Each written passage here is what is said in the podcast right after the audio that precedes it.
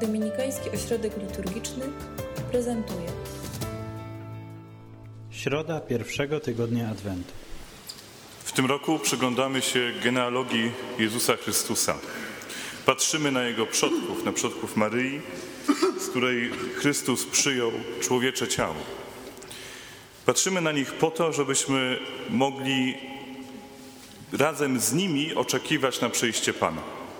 Oni przez wiele tysięcy lat oczekiwali przyjścia Zbawiciela.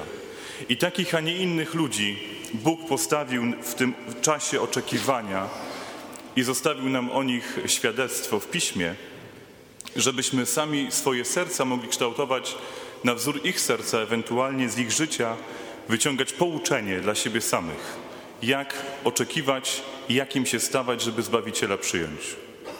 Jak, kim, jak możemy stać się trochę na wzór, czy trochę jakby Jego rodziną, Jego, y, tymi właśnie, którzy należą do tej genealogii, przez upodobnianie się do tych, którzy Go poprzedzali.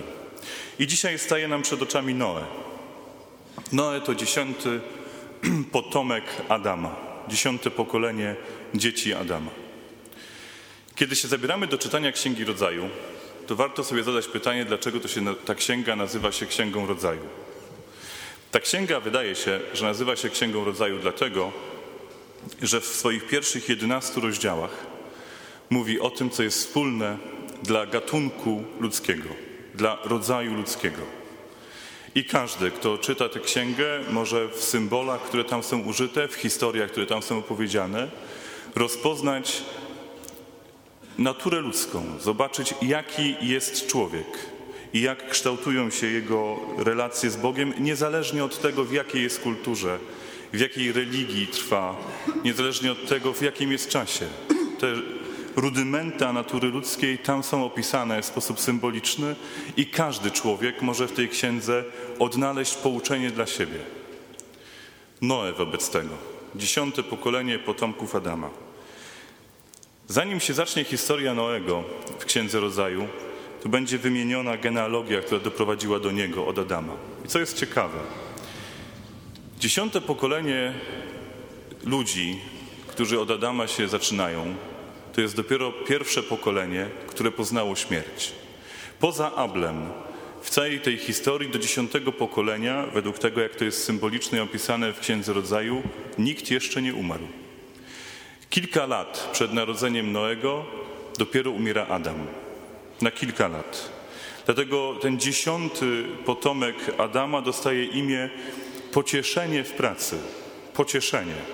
Ten będzie nam pocieszeniem w trudzie i pracy, którą przeklął Bóg, mówi jego ojciec. On jest pocieszeniem. Pierwsze pokolenie, które poznaje nie tylko śmierć, ale poznaje przede wszystkim to, że Bóg dotrzymuje słowa. Na kilkaset lat wcześniej, jak pisze Księga Rodzaju, Bóg zapowiedział to, że ludzie umrą śmiercią, dlatego że zgrzeszyli, dlatego że pozwolili sobie poznać, czyli obcować z dobrem i ze złem. I Bóg to zapowiedział, że śmierć wejdzie na świat i dotrzymuje swojego słowa.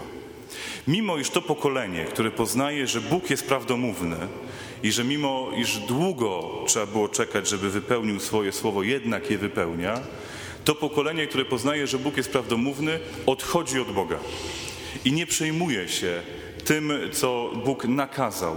Nakazał Adamowi w raju, czy potem potwierdzał. Nie czci Boga, jest wiarołomnym pokoleniem, takim, które odchodzi w grzech i grzech coraz bardziej panoszy się na świecie, mimo już wiedzą, że Bóg jest prawdomówny. I jakie jest słowo, które Bóg wypowiedział jeszcze wówczas do Adama, kiedy wyrzucał go z raju, kiedy dawał mu odczuć konsekwencje jego grzechu? Bóg tam powiedział: Kładę nieprzyjaźń pomiędzy potomstwo węża a potomstwo ludzi. Dokładnie powiedział to do Ewy. Kładę nieprzyjaźń pomiędzy potomstwo jego, a potomstwo twoje. Przepraszam, to powiedział do węża. Wcześniej jest. Do węża to powiedział. Co to znaczy ta nieprzyjaźń? Ta nieprzyjaźń jest obroną, jaką Bóg daje ludziom przed grzechem. Nie jesteśmy przyjaciółmi złego. Bycie w przyjaźni ze złem jest postawieniem świata na głowie. Jest zgodzeniem się na to, żeby być zupełnie innym niż Bóg chciał, żebym był. Jest całkowitym wyrugowaniem, zniszczeniem obrazu Boga w sobie. Dlatego Bóg pomiędzy węża a potomstwo niewiasty kładzie nieprzyjaźń jako obronę. Nie będzie pomiędzy wami aliansów. W dziesiątym pokoleniu po Adamie Bóg również i to słowo w dramatyczny sposób wypełnia. Bo czym innym jest potop, jak położeniem kresu przyjaźni pomiędzy potomstwem Adama a potomstwem węża.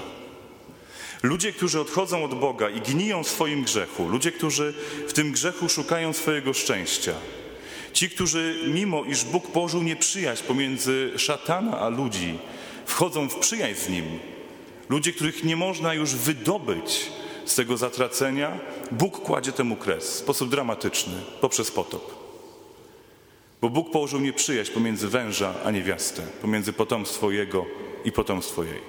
I nie godzi się na to, żeby ten, kto żyje w przyjaźni, trwał w przyjaźni z diabłem, żeby trwał i żeby cały czas niósł tą sromotę w życie i w świat. Dramatyczny sposób wypełnia Bóg swoje słowo w dziesiątym pokoleniu. Ale zanim wypełnił swoje słowo o nieprzyjaźni pomiędzy potomstwem węża a potomstwem kobiety, Bóg powołuje sobie Noego, który jest sprawiedliwy i którego sobie umiłował, na to, żeby wybudował mu arkę. I w tej arce zachował wszystko to, co jest nieskażone. Zarówno zwierzęta, jak i ludzi. Swoją rodzinę. Święty Piotr policzył, mówi osiem dusz w liście, drugim liście świętego Piotra. Czyli trzech synów, trzy jego żony, trzy żony y, tych synów, naprawdę jest wcześniej, i żonę Noego, plus Noe. To osiem dusz. I wyobraźmy sobie tę sytuację. Arka według tego opisu, który jest w Księdze Rodzaju, miała 515 metrów długości i jakieś 50 szerokości. Circa about 2,5 hektara jednego pokładu. Trzy pokłady 7,5 hektarów powierzchni. I ta arka powstaje na polu rolnika, bo Noa jest rolnikiem. Wyobraźmy sobie taką gminę Mogilany i że tam powstaje okręt, który ma 7,5 hektara powierzchni. Ciekawe, jaka była ładowność. W Mogilanach. To się nie stało w jeden dzień. To się nie stało od tak, prawda? Noe sobie powiedział, dobra, dzisiaj wybudujemy arkę. On musiał, nie wiem, jakiś cały las wyciąć drzew, żeby tę arkę zbudować. Tak? I to buduje ją gdzieś, gdzie w ogóle nie ma morza, gdzie nie ma rzeki, gdzie nie ma, gdzie nie ma wody, nie zagraża nikomu powódź. Wszyscy, zapewniam was, mieszkańcy tamtejszych Mogilan patrzą na niego i mówią wariat. Dlaczego to jest ważne? Bo jeśli mamy się przyglądać tym postaciom, które poprzedzają Chrystusa w Jego przyjściu na świat i są dla nas jakimś wzorem oczekiwania, to Noe tu jest kluczem do tego, żebyśmy zrozumieli, że Słowu Bożemu się nie odmawia. Że Bożemu Słowu daje się wiarę, daje się posłuch. I nawet jak mieszkasz w Mogilanach i Bóg oczekuje od ciebie, żebyś wybudował mu arkę, która ma 515 metrów długości i 50 szerokości, trzy pokłady, to zabierz się do pracy. Bogu się nie odmawia. On żyje w pokoleniu ludzi, którzy zupełnie Boga porzucili, którzy są całkowicie zepsuci, są w przyjaźni z diabłem. I on w tych zupełnie niesprzyjających warunkach pozostaje wierny Bogu. Pozostaje wierny słowu, które usłyszał: wybuduj arkę. Słowo, które musiał wypełniać przez wiele lat. Słowo, które go śmieszało w oczach ludzi. Słowo, które nie miało sensu. Słowo, któremu po prostu i zwyczajnie zaufał, bo znał autora tego słowa. I może nam się wydawać, że my żyjemy w zasadzie, w bardzo niekorzystnych warunkach do tego, żeby być wiernym Bogu. Bo wszyscy inaczej sobie y, y, życie kształtują, niż by tego oczekiwał Pan. Noe był w jeszcze gorszych warunkach. I w jeszcze gorszych warunkach. To, co udało mu się ocalić, to udało mu się ocalić jego rodzinę. Bardzo wąską grupę ludzi, którzy zostali mu jakoś powierzeni i zostali mu wierni, byli może dla niego jakimś wsparciem. No jednak dzięki temu, że Boga posłuchał, unikł e, potopu. To znaczy, kiedy Bóg wypełniał słowo o nieprzyjaźni, kiedy kładł absolutny kres tej przyjaźni pomiędzy diabłem a, a ludźmi, jego oszczędził bo w nim diabeł nie miał nic swojego. Nie miał tego, co mógłby nazwać przyjaźnią z Noem. Jego Bóg oszczędził. Pójdźmy jednak dalej. Ta historia z Noem nie kończy się w momencie e, potopu. Bóg zawiera z nim przymierze. Przymierze, które jest y, przymierzem ze wszystkimi ludźmi. I Bóg zapowiada tam, nie wyniszczę więcej ludzi z powierzchni ziemi przez wody potopu, nie wyniszczę ich. Pozostawia Noego, który jest początkiem, w cudzysłowie jest takim Adamem bis. Jest znowu początkiem ludzkości. Jego rodzina jest takim początkiem e, dla kolejnych pokoleń. Zostawia i zawiera z, z, z Noem te, podobne przymierze, jak zawarł z Adamem, ze wszystkimi ludźmi. Znowu powierza Noemu ziemię na to, żeby czynił ją sobie poddaną.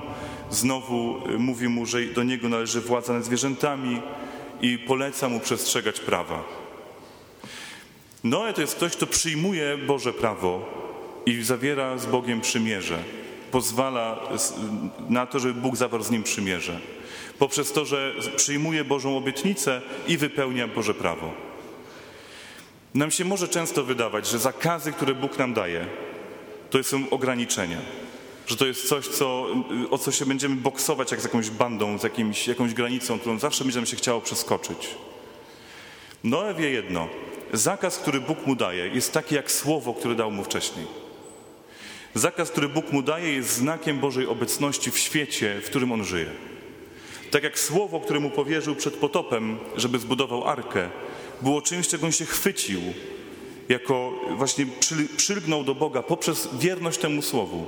To wie, że teraz po potopie słowo, które dostaje, słowa zakazów i nakazów postępowania w świecie są znakiem Bożej obecności. Sposobem na bycie z Bogiem jest przestrzeganie tych słów. Dużo możemy się od Noego dowiedzieć, nauczyć, dowiedzieć, nauczyć. Możemy się nauczyć, że Słowu Bożemu należne jest posłuszeństwo, możemy się nauczyć, że jest Mu należne zaufanie i w końcu, że Jego Słowo jest znakiem obecności pośród nas. Ten, kto wytrwa, będzie zbawiony. Ten, kto wytrwa, będzie zbawiony. Amen.